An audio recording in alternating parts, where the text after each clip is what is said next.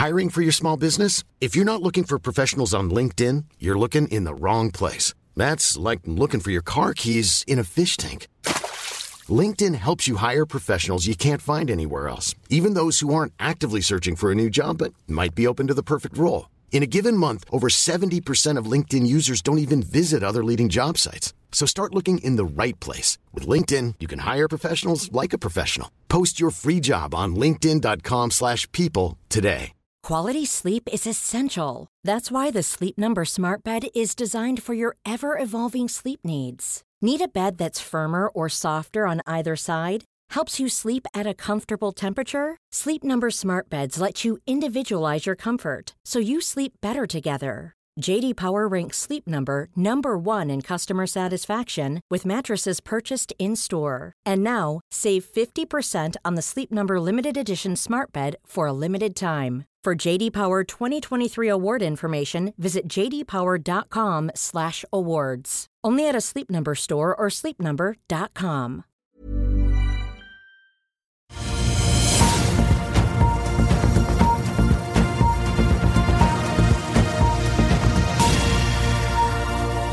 Riktig god morgen alle sammen, og velkommen til Børsmorgen her hos oss i Finansavisen. Mitt navn er Marius Lorentzen på plass her på Smestadammen i Oslo. Karl Johan er borte i dag.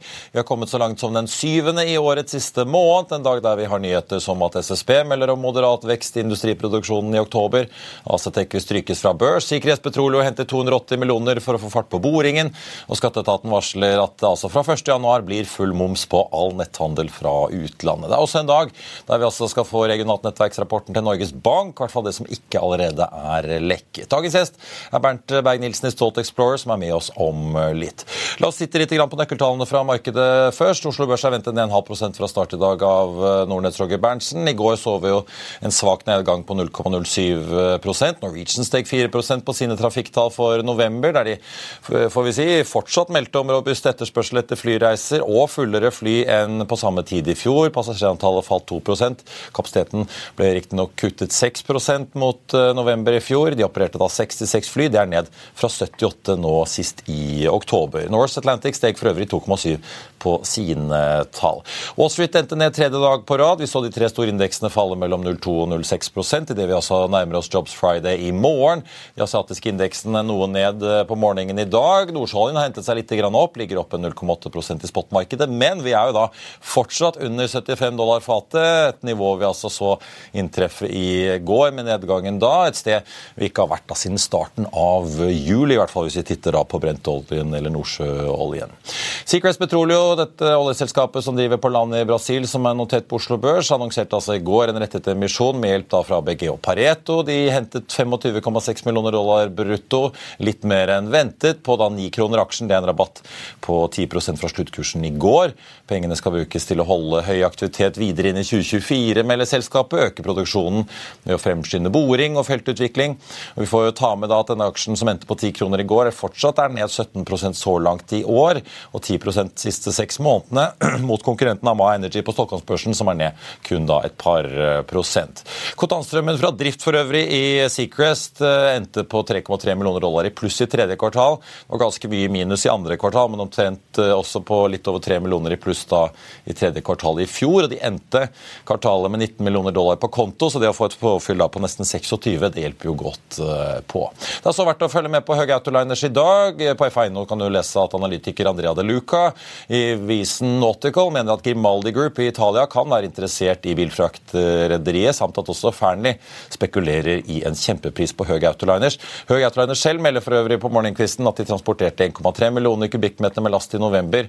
Det er da 100 000 ned fra oktober. Fraktratene også i snitt ned til en dollar omtrent, til 95 95,5 dollar per kubikkmeter i eh, snitt. Og så PGS, eh, får vi si, kombinert med TGS, meldt om en tredje seismikkontrakt i Asias stillehavsområde med Ramform Sovereign-skipet til eh, PGS, som skal mobiliseres da i desember med en varighet da på 50 dager. Ellers har det kommet noen kursoppdateringer som er verdt å merke seg. Morgan Stanley jekker opp Hydro da med 3 kroner til 89, gjentar kjøpsanbefalingen.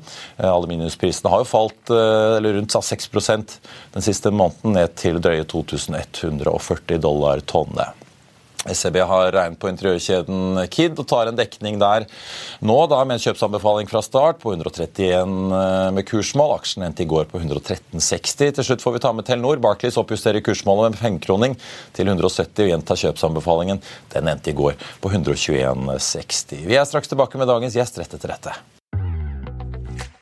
Vil du bli oppdatert på det viktigste som har skjedd innen finans og næringsliv? Da er det bare å følge med, for hver morgen er jeg, Marius Lorentzen og aksjekommentator Karl Johan Malnes på plass i studio for å ta tempen på dagens marked i Børsmorgen. Og hver ettermiddag oppsummerer vi alt du trenger å vite i økonominyhetene, og det blir selvfølgelig masse interessante gjester. Klikk deg inn på fa.no-tv, eller søk opp Børsmorgen og Økonominyhetene der du hører på podkast.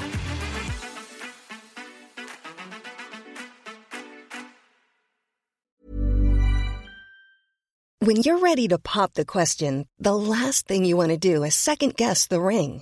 At Bluenile.com, you can design a one of a kind ring with the ease and convenience of shopping online. Choose your diamond and setting. When you find the one, you'll get it delivered right to your door. Go to Bluenile.com and use promo code LISTEN to get $50 off your purchase of $500 or more. That's code LISTEN at Bluenile.com for $50 off your purchase. Bluenile.com code LISTEN. I'll see you in court. Vi sier det ofte litt på spøk, men for deg som driver business, er det aldri moro å innse at du ikke har laget en 100% gyldig kontrakt. Du bør ikke risikere hele firmaet ditt fordi du synes dette med kontrakter er litt stress. En avtale er ikke en avtale. Du kan miste kunder, miste venner, ja, til og med miste inntekter om du ikke lager en skikkelig kontrakt, på alt mulig, egentlig. Men vi vet det er et styr kopimaskiner, tregprinter og haugevis av papir. Dessuten stoler vi jo på folk her i landet. Det er ofte litt kleint å skulle be om en signatur for alt mulig, ja, for mye av styret handler også om jakten på underskriften. Det finnes en enkel måte å løse dette på, Dukkobit, en trygg, effektiv og get this, gratis måte å sikre seg en god natts søvn pluss en juridisk bindende avtale. Dukkobit-appen har de strengeste sikkerhetskrav i bunn, samt en EU-godkjent og sertifisert teknologi. Framover vil det bli behagelig å spørre du, skal vi skrive under på det, eller? Kom i gang på dukkobit.no. Velkommen tilbake. ONX på Oslo Børs startet ned litt som ventet, 0,2 Ellers får jeg ta med deg at Seacrest ser ut til å starte ned og omtrent akkurat 10 til 9 kroner aksjen som emisjonskursen. Høge Autoliner stiger, stiger en halv prosent etter eh, litt oppdatert eh, tall for november måned også da oppkjøpsrykter, får vi si, eller spekulasjoner i, eh, blant analytikerstanden. Da skal jeg si velkommen til dagens gjest fra Stolt Explorer, Bernt Berg-Nilsen. Velkommen til oss. Du, takk for det. Tilbake, jo, jeg si. takk for det. Kjekt å være tilbake igjen. Sist gang her var vel rett etter uh, årsmøtet i uh, I Berkshire. Ja, i Berkshire, det stemmer det. Apropos, kanskje, ja, kanskje vi skal begynne med Berkshire Hathaway. Du som har vært borte og på si, sett på oraklene i Omaha. Du, Nå har vi mistet Charlie Munger. Er det, er det krise i menigheten uh, nå når Warren står igjen der alene av denne duoen? Du, jeg tror det er både sorg og en, eh, en anerkjennelse av det Munger etterlater seg. Ja, både av investeringsvisdom og, og livsvisdom. Nå tror jeg Berkshire som sådan er godt rigget også for uh, fremtiden. Ja, jo Bare ta det, da, for de som ikke, det er jo et stort investeringsfond i USA som du kan investere i, og du har investert i fondet ditt som ja, aksjer. fond- riktig. Charlie Munger, Warren eh, Buffett, de to store driverne der. Men Charlie Munger ble jo 99, da, så de er jo godt voksne herrer. Det er lov å si. Uh, og bare for å sette det i kontekst, som du er inne på, det er USAs største sjette største selskap i market cap, 750 milliarder altså billion dollars. Eh, Det har en eh, balanse på en trillion dollars. Det er den største eh, balansen i, i verden. Og det som måtte, man kan tenke på de to herrene på, så er kanskje Buffett er, kall den den biologiske faren i, i selskapet, men kanskje Munger mer den, den åndelige faren. Som, Spirituelle lederen. Ja, den spirituelle lederen som, som fikk Buffett til å vri seg fra sånn hardcore deep value-investering mot kvalitetsselskap. Og det som virkelig har fått uh, Berkshire til å compounde med 18,5 de siste 60 årene, ja, det er den vridningen som Munger fikk til. Og så har du helt rett, Han gikk dessverre bort. Nå ville blitt 100 år på 1.1. Ja. Um, og han var jo en fantastisk eh, deltaker på scenen. Jeg var over der ti ganger. Det var mye tørre vittigheter og Der... kjappe kommentarer tross alderen til slutt. Det var jo fascinerende å se de to eh, på generalforsamlingen sitte der og Ikke sant? Og, og, og snakke og den uh, ja, vittigheten som du sier, og det, det raske sinnet, til tross for han var synes jeg, godt, godt voksen. Men, men, for å svare på det første spørsmålet ditt først, så tror jeg Berkshire er bra rigget. Nå har du fått på plass to yngre i denne målestokk-herremenn, Greg Abel og IG Jan, på uh, daglig leder og på uh, forsikringsbiten. Nå er det riktignok de sånn i 60-70-årene. Og så har du de på investeringsdelen under, uh, Todd Combs og Ted Wexler, som er min alder og litt, litt eldre. Så jeg tror de er godt rigget. Men det man skal tenke på ved Berkshire, er at de har satt, eller bygget et system som er utrolig desentralisert. Det er 26 Ja, for det er jo ikke storapparatet på toppen der, egentlig. Og så sitter de da på enorme eierandeler i Geico, Coca-Cola og Apple. Det er nettopp det. Ja. Og, og, og, jeg tror for en aktivist å komme inn selv hvis når, eller når da, eller får vi si når Buffett en gang skulle også gå bort, så, så blir det nok svært vanskelig å endre. Fordi, som du er inne på, så er det 26 personer på hovedkontoret. Og det er 380 000 ansatte i disse selskapene de eier. De eier da 70 selskaper heleid. Og så er det jo største eier i en del av de kjente selskapene. om Det er MRX, eh, Chevron, Moody's osv. Og, så og så er det jo nest største eier i Apple, som vi alle kjenner. Ja. Ja, for litt apropos, Det er jo litt spesielt. En ting er jo at de kjøpte liksom, uh, jernbaneselskaper. Altså, de har jo mange veldig sånn tradisjonelle industrier. da. Ja. Uh, og Coca-Cola det har, jo vært, uh, det har jo vært med oss en god uh, stund. Apple er jo sånn sett historisk en relativt nyere investering, selv om de har vært med der i mange år òg. Ja. Men de har, det er jo egentlig veldig mye sånn trauste ting. liksom Forsikring sikring ja. og ting som man tenker sånn Er det så mye ja. vekst og aktivitet der lenger? Nei, ikke sant.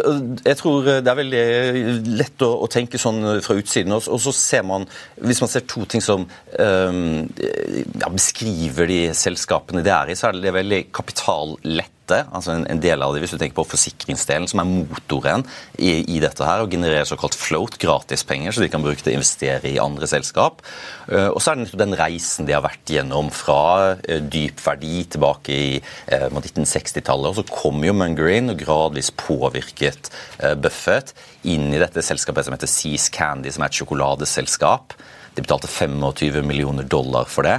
Det har kastet seg to uh, billion dollars da, altså i den tiden de eide. Så de har greid å kombinere både en sånn langsiktighet, men også en utrolig aggressivitet når de ser gode dealer. Eh, og Det så vi sist etter finanskrisen, f.eks., både i Goldman Sachs, eh, der de fikk preferanseaksjer, men også den muligheten til å kunne agere når gode selskap kommer til salgs. Så er det en enkel avtale på et par sider, og så er det gjerne en type kjøper som selgeren vil selge til. Og Det er jo fordi man har gjort seg fortjent til det ved å oppføre seg bra over tid eh, og nettopp ha de finansielle musklene.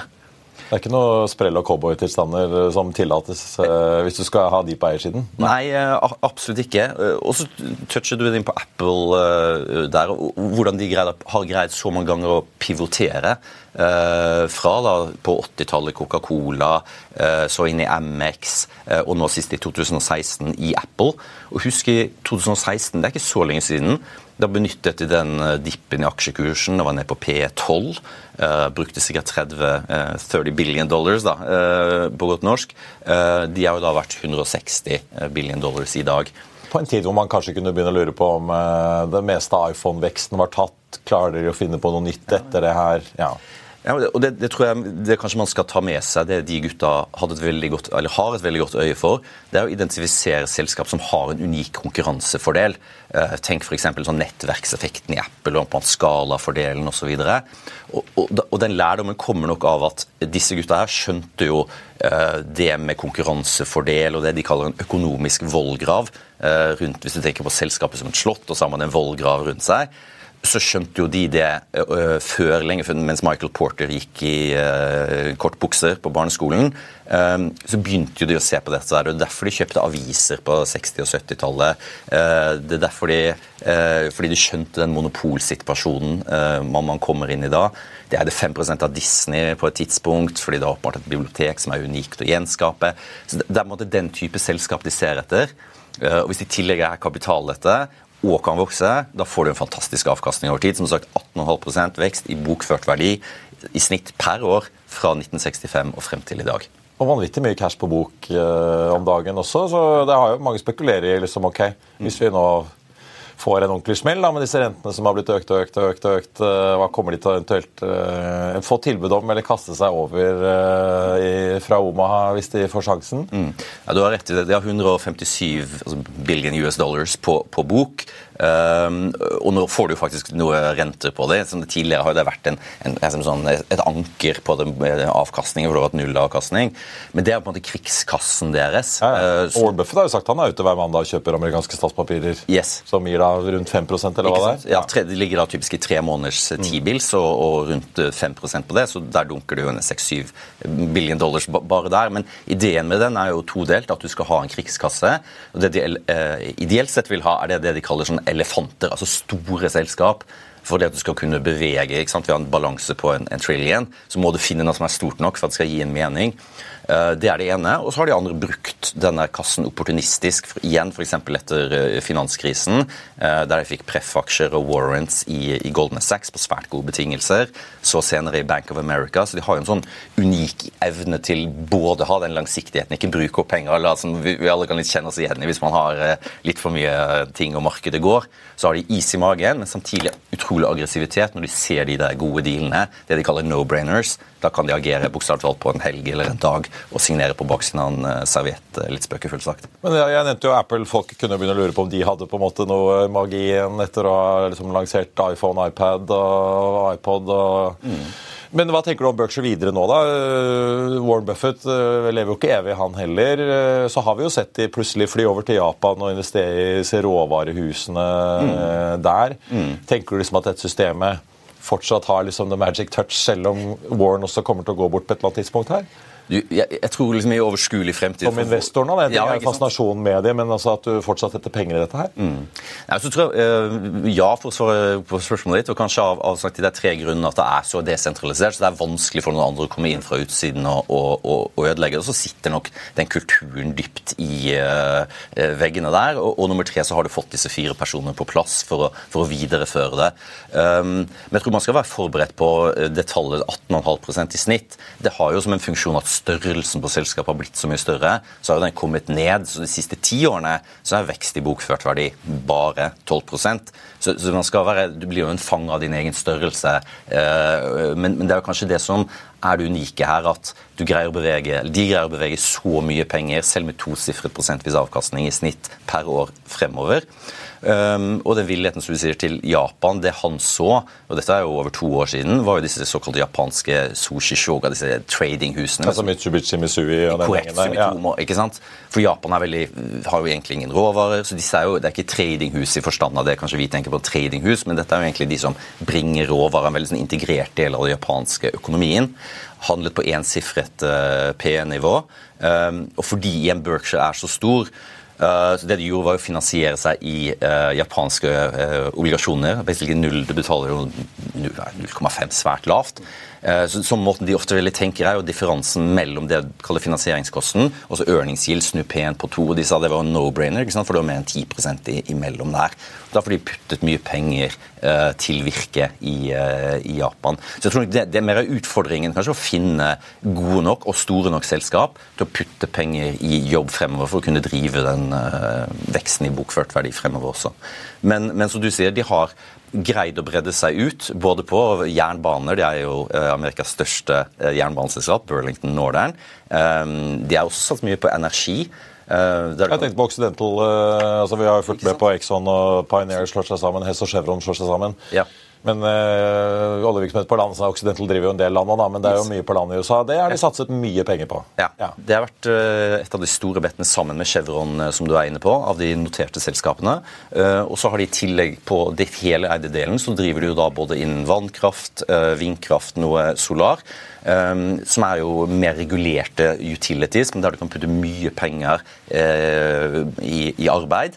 Uh, som har vært det, som The Berkshire Energy-delen, som også har vært et vekstben de siste par årene. Um, og som du allerede tok opp, Vi kan ikke gå ut snakke, la være å snakke om forsikring. og Det er jo da skadeforsikring, og spesielt bilforsikring, er den ene delen. Det er amerikansk, USAs nest største bilforsikringsselskap. Men I tillegg har du det som heter eh, katastrofeforsikring. Tenk orkan, flom, de virkelig store skadene som svært få andre eh, forsikringsselskap kan eller vil tegne. Der du kan ta ut en ganske god profitt hvis du er god på underwriter, som jo de er. Um, så Det er de store vekstbena uh, for selskapet. Og som jeg har lært, de, Det gjelder jo for så vidt forsikringsselskaper her hjemme. Da. Du får jo inn penga først. Det er nettopp det. Så kommer skadeutbetalingene senere. sånn at uh, du sitter jo i mellomtiden der og kan forrente noe penger. Ikke sant? Det, det, er nettopp, det er på noe veldig viktig der. Hvis du skal tenke på hva de i mange av selskapene ser etter, så er det nettopp det lav eller ingen arbeids... Eller aller best at du får negativ arbeidskapital. så Jo mer du vokser, jo mer penger får du inn. Forsikringer nevnte du. Eh, I gamle dager også aviser. Og at du i tillegg har et, et konkurransefortrinn uh, rundt det da har du en veldig fin miks om det andre konkurransefortrinn er f.eks. skala, eller merkevare, eller lavkostprodusent, eller eh, dominerende markedsposisjon. Så, så, er det kombinasjonen av de to tingene eh, de gutta ser etter, og har gjort at de har fått til den fantastiske veksten eh, og varigheten av det, ikke minst, over så lang tid. Men du, Apropos Japan, eh, nå sitter du primært med nordisk fond, da, selv om du også sitter investert i Berkshire og har litt skjell og forskjellig. men uh, er du nå investert i Japan? For det har gått veldig bra. Mm de siste par årene? Ja, som du er inne på, uh, Stolt Explorer er jo klassifisert som et nordisk det er helt riktig, et, et nordisk fond i, i, i Morningstar. Uh, og vi er oppe 18,5% i år, så det har vært bidrag fra de selskapene vi, vi har snakket om. Altså, vi sjekket rett før sending, Nøyaktig det samme som SNP 500 opp. Ja, by, by, magic, by magic ja. ikke sant? Så, nei, I Norden så finnes det jo fantastisk mye spennende uh, selskap. Hvis du ser litt, Det finnes en del gode norske, ikke det er forkleinelse for Norge. Men hvis vi ser naboene våre, så har vi noen fantastiske selskap. Novo Nordisk i Danmark f.eks. Investor i Sverige, som er en fantastisk eierselskap. Um, I tillegg er vi litt som vi er, da, til å se ut i verden. Så finnes det en del selskap som man ikke har i Norden eller, eller i Norge, som kan være komplementerende for porteføljen din. Og vi tenker jo en sånn porteføljetankegang at det er jo snittprising av hele porteføljen som er viktig. Så da kan du eie noen dyre aksjer, Novo Nordisk på P30, men så kan du finne noe annet billig, f.eks. Japan, som du, du, er inne på. Så Vi har om lag 6% der, og der finner du kanskje noen nisjeselskap, f.eks. Kayens, som driver sånn fabrikkautomasjonsutstyr, som er åpenbart en, en vekstnæring som sådan.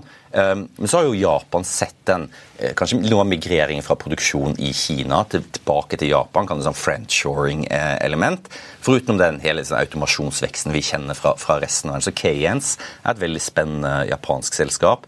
Tokyo Electron, et annet selskap som er en underleverandør til halvlederindustrien. Som er på en måte Eh, posisjoner som er vanskelig å gjenskape. Begge de to selskapene jeg nevnte, er det er lang historikk. Eh, høyteknologisk. Høyteknologisk. Ja. De er etablerte. Det typisk som vi ser etter i Stolt Explorer, er jo store, veletablerte selskap med en etablert forretningsmodell som ikke er avhengig om renten er fire eller seks eller tre.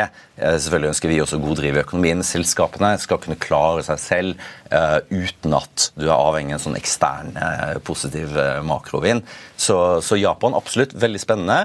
Eh, og så har de på, på, godt og vondt fått litt eh, hjelp av yenen. Klart For eksporten så hjelper jo det at yen har vært svekket seg mye i, i år. Mm.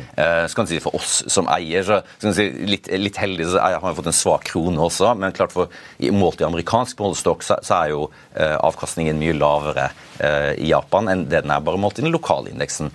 Men det du ser på Japan, som er veldig spennende, og det jeg liker å følge med på, er jo trenden i inntjening. Og Det er jo to eh, regioner, spesielt en som beveger seg. Det er jo Japan. Der det er en positiv trend i inntjeningsestimatene i år. Eh, og Markedet handler fortsatt bare, til tross for at det har gått mye, da, bare på P15.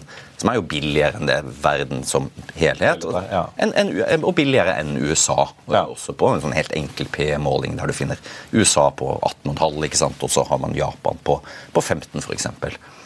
Og Japan har jo vært sånn, et land som har vært i dødens dal i 30 år siden vi gikk på barneskolen. Jeg tror det var, var opptrett her vi var sist. Men så har du fått den gode kombinasjonen at du har gått fra deflasjon til litt grann inflasjon. Du har fått både pengepolitisk og finanspolitisk stimuli. Og ikke minst det som er spennende med Japan, er jo det som har skjedd på corporate governance-siden.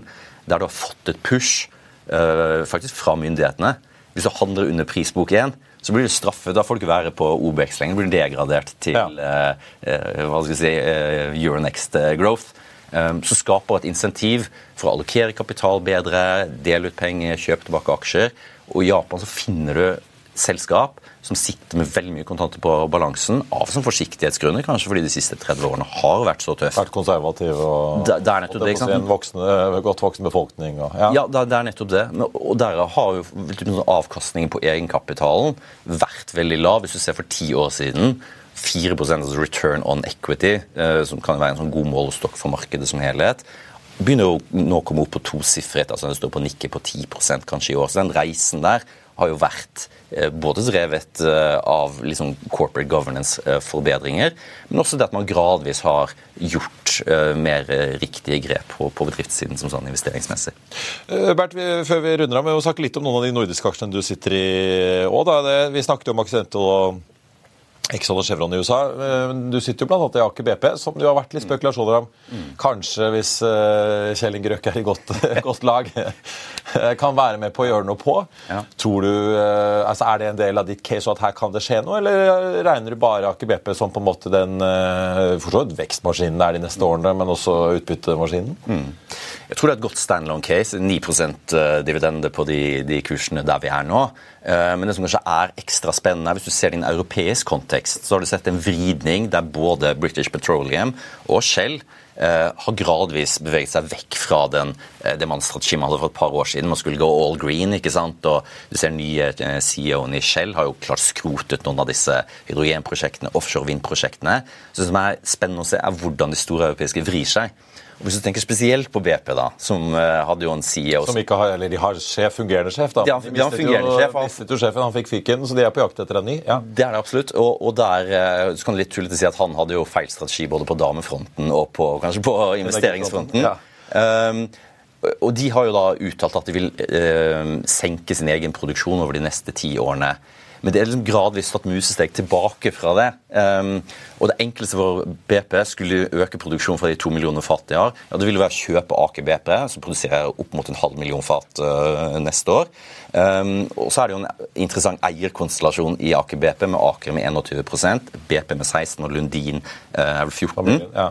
Uh, og så har det jo Helge Lund som styrer for mannen i BP også, så det er jo mange sånn kontaktpunkter der. Som for Kjell Inge Røkke i sin tid. Det er nettopp det. ikke sant? Så, uh, så skulle BP våkne opp og, og finne ut at uh, vel, det kan være fornuftig å også drive med oljeproduksjon utover 2030, ja, så er den enkleste måten å kjøpe opp Aker BP. Ja. Men, Men, det kan også komme oppkjøp. altså det er klart Da må jo Røkke og BP bli enige hvis, hvis det skal skje noe med Aker BP som sådan.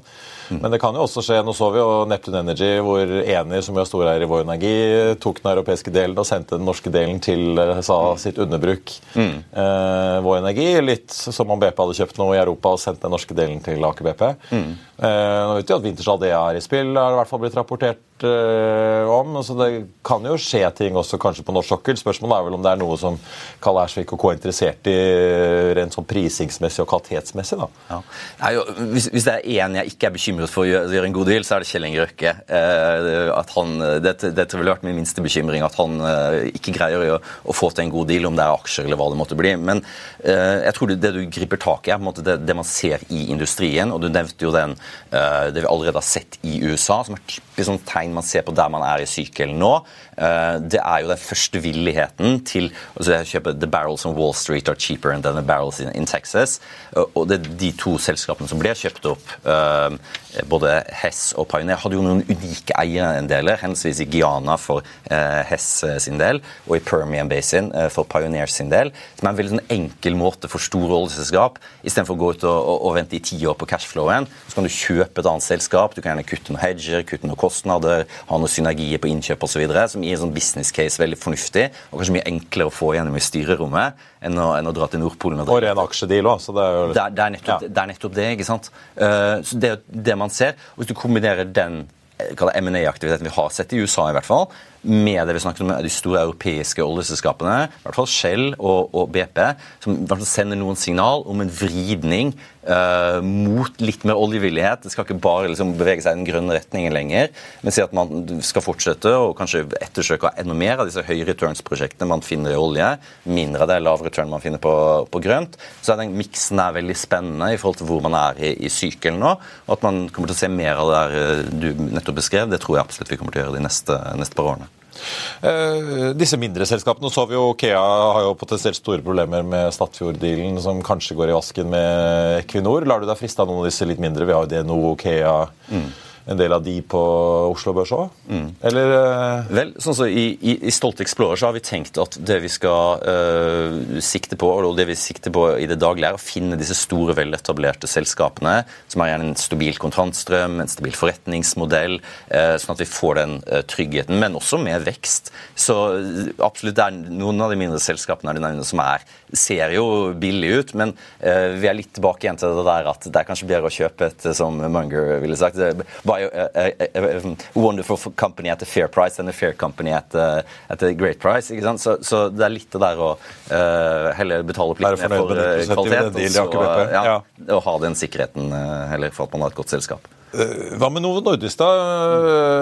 Ja, altså, det er helt vanvittig hva danskene har fått til. Nå får vi jo se hvor tøff konkurransen fra Eli Lilly blir når de også har fått godkjent et sånn vektmedisin i USA, men likevel skal investere titalls av milliarder av danske kroner i Danmark for å øke produksjonen. Eh, så det ser ut som eh, go is the future. Ja. Eh, men begynner å få litt sånn høydeskrekk og tenke at den Kanskje vi skal ta, Den har jo steget hva, 200 eller hva det er? Det har vært en fantastisk bidragsyter også i porteføljen. Man får jo litt høydeskrekk nå, så er det enkel på PE-multipler, så er det jo over 30 allerede, i år. Eh, men det er jo et godt eksempel på kombinasjon av langsiktighet. Selskapet er 100 år i år, men greier stadig å innovere. Og det, som du var inne på, Det vi kjenner det som er diabetesmedisinen, og så kommer jo vekttap, eh, altså indikasjonene. Og så i par siste måneder har de i tillegg fått for hjertesvikt og nyresvikt, altså 20% reduksjon i eh, sannsynlighet for det for diabetespasienter. Um, og de har en unik markedsposisjon. Du nevnte Eli Lilly er den eneste andre reelle konkurrenten på dette med, med vekttap.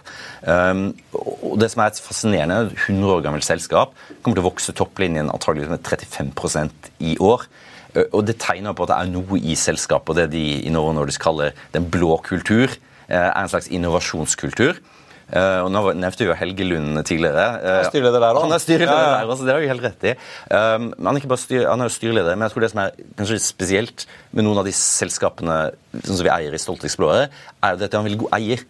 Uh, og Novo Norsk har jo denne stiftelsen uh, som eier, som nok har gitt en sånn langsiktighet at du kan investere i forskning og utvikling og nettopp få frem disse produktene vi snakket om. og Man blir jo, som du sier, man får jo litt uh, høydeskrekk. Nå, Hvis du tenker bare ren market cap, så er jo det da 4500 milliarder norske kroner, altså fire og en halv gang så stor som Equinor i, i market cap, Nordens desidert største selskap. Og det er på P par og 30, eh, som ser jo isolert sett dyrt ut. Så har du to referansepunkter. Eli Lille ligger jo ti punkter høyere, altså P-prising. Eh, og så er det alltid greit å se eh, P-prisingen delt på vekstraten. Så får du sånn price eh, earnings growth ratio, og da ser det ikke så dyrt ut eh, lenger. Så du har ikke begynt å selge unna? Du, vi har ikke begynt å selge, selge unna ennå. Uh, så det er jo sånn uh, Jeg kalte det tidligere Kinderegg, men det har blitt en sånn dansk dynamitt. Eller du får jo, ja, jo fire ting på én gang. Uh, Snart så de må komme med kvartalsrapporten til finansministeren og danske SSB, så alle er liksom orientert om hvordan det går, for det påvirker jo dansk økonomi ja, så voldsomt. Ja. Nei, også du sier det, det største problemet, og du tok det opp den investeringen de skal gjøre i, i Karl Lundborg. Ehm, for Det som har vært problemet, er rett og slett å få produktene ut til pasienter. I Norge så får du jo Vigovi, i USA får du det. Ehm, men det er en del land der altså det er produksjonsbegrensninger. Eh, og de produserer jo ikke det, de produserer jo noe selv. det Grunnmolekylet, eh, som er jo veldig vitenskapelig supermolekylet deres, da, som er grunnstenen i, i, alt dette her. De klarer ikke å ta inn så mye nye pasienter i USA som de sikkert skulle ønske? vil jeg tro? Ab absolutt ikke. Og så har de jo partnere rundt som produserer. Det faktisk en, en, en produksjonsbegrensninger eh, til å få det raskt nok ut. Og så er jo USA et spesielt marked, fordi det koster jo altså, Vegovio koster 1200 dollar per måned. Det man som er veldig, er veldig spent på, da, neste måned, er jo når dette blir godkjent av som sånn standard care treatment gjennom forsikringsselskapet. Så du får refusjon, og kanskje også fra Medicare. For det vil jo være neste store driveren, at disse eh, medisinene faktisk kommer det vi kaller som blå resept da, på, på, godt norsk. Det blir masseskala? Det blir, ja. Nettopp at det blir. Masse uh, ja, altså Vi vet en tredel i USA sliter med betydelig overvekt osv. Så, videre, så markedet er jo åpenbart der. Og så er det at medikamentene er svært dyre, som er 1200 dollar Eh, per måned eh, for, for eh, den brukerdosen. Um, så noe av nøkkelen for neste år for caset ligger jo nettopp det å få det godkjent. Forsikringsselskap, gjerne Medicare for den, den saks del. Og da, nettopp Derfor er jo disse tallene med 20% veldig viktig. Det vi snakket om nyresvikt, hjertesvikt, at du har andre indikasjoner. så Du kan få en sånn statistisk begrunnelse for at det blir kalt standard care treatment. Eh, kort til slutt, eh, Bernt. I morgen så kommer jo non-farm-tallene fra eh, USA. Vi så jo en veldig god kursutvikling. Oslo Børs hang jo litt etter i november, men eh, på Wall Street var vi opp 8-10% 11% på de tre store indeksene jobbtallene i morgen. da, Nå fikk jo eh, litt svakere ADP for privat sektor i går. og Disse Jolts-tallene hvor antallet ledige stillinger eh, var jo, endte jo på 8,7 millioner, laveste siden mars 21 fikk vi mm. denne uken. Mm. Nonfarm kommer i morgen. Mm. Hvordan, liksom, hvor viktig blir det, og hva tror du liksom, om desember måned etter en så sterk november? Mm. Ja, så I morgen, bare for å ta tallene veldig kjapt, så er det vel ventet opp mot 200 000 skapte nye jobber og 3,9% Ja, 90 eller sånn, så var det jo 150 i oktober, da. ja. ja ikke sant? Men ledigheten steg riktignok nok. Ja, ikke sant? Det steg, steg jo litt, litt der, og så er det vel 3-9 som er ventet, tror jeg. i uh, det, det, det, du er inne på, at det har jo gjennom hele året i år så har det i snitt vært skapt 200 000 nye jobber per måned. Det er jo helt fantastisk. Mm. I USA så jobber arbeidsbefolkningen 160 millioner, så du trenger bare å skape 100 000 nye jobber for å holde arbeidsledigheten i sjakk. Og Grunnen til at ledigheten har gått opp i det siste, det er at flere folk har kommet inn i arbeidsmarkedet. Det er jo kjempepositivt. Det er helt fantastisk. Da øker jo ledigheten når det er flere. så Det tyder på at det er sug etter arbeidskraft. Og så får du nettopp det du er inne på der, denne avmatningen. Det man, akkurat det man ønsker å se. Passelig varmt, passelig kaldt. Med antall, den miksen mellom antall ledige stillinger og antall søkende. ja, Den er den laveste på to år. Så det man ønsker å si at den kommer litt ned. Og så ønsker man at uh, det ikke skapes for mange nye jobber, at det ikke skapes for få jobber. Og da tror jeg du kan uh, stå overfor sånn som neste år kan godt bli et år som ligner på si 1995. At du får den såkalt myke landingen. At du får en deakselerasjon i veksten. Uh, og det ser vi jo igjen på selskapsestimatene som vi liker å se på. Uh, så ligger det inn riktignok med 10% vekst i USA, altså på SMP. Uh, men det interessante er at de estimatene har holdt seg. Både for i år og for neste. Det, det er ganske optimistisk å tro 10 uh... Ja, ikke sant? Og, og det, ikke det, jo, det, det, det, høres ut som et veldig, veldig høyt tall. Um, og hvis du tenker, Men det som har skjedd i USA tidligere, år resesjon har jo vært. Det har vært tre kvartal med fallende år over år-vekst i SMP. Altså første fjerde kvartal i fjor og frem til andre kvartal tredje kvartal som vi la bak oss nå, var det første kvartalet på ett år med positiv år-over-år-vekst på, på 2,5% igjen kombinert med det vi så på amerikansk økonomi, som vokste med nesten 5% i uh, tredje kvartal, så kan det se ut som det er nesten en, en, en slags sånn restart, eller det skjer et eller annet da, i hvert fall. Um, og så høres 10 er alltid høyt. Analytik, den klassiske analytikeren starter høyt, og så barberer seg litt gjennom året. Men si at vi ender neste år da på om det er 7% eller noe sånt, så tror jeg det kan bli et helt greit aksjeår neste år, med noe avkastning i den duren. Ikke så mye multiple ekspansjon, men får du inntjeningsvekst på 6-7-8% så er det et helt greit aksjeår, sånn snittmessig hva man har gjort de siste 100 årene. Så er det i hvert fall første omgang neste torsdag Ida Wolden Bakke som skal i ilden av disse tabakksjefene. Men det påvirker ikke aksjemarkedet så mye, da. Bert Berg-Nilsen i Stolt Explorer, tusen takk for at du kom til oss, og god jul etter hvert. Eh, jeg tenkte bare på tapen av sendingen å nevne at hovedindeksen fortsatt ligger ned 0,3% som eh, ventet. Høg Autoliners har snudd eh, ned til et fall på 2,4. Der er det da eh, rykter og spekulasjoner om et mulig oppkjøp eller en ny storeier, i hvert fall. Secrets Petroleum fortsatt ned, da, men nå så vidt over 10 etter emisjonen. Det er på 9 kroner. Aksjen ligger nå på 8,98. Det var børsmålet for denne torsdag 7. desember. Husk å få med deg Økonominyhetene 14.30. Da blir det et aldri så lite atomenergipolitisk oppgjør her som du ikke vil gå glipp av. I mellomtiden så får du som alltid siste nytt på FA.no gjennom hele dagen. Ha en riktig god torsdag alle sammen. Vi ses.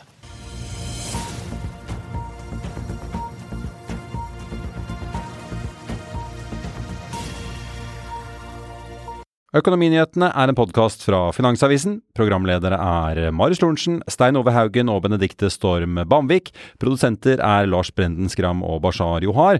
Og ansvarlig redaktør er Trygve Hegnar.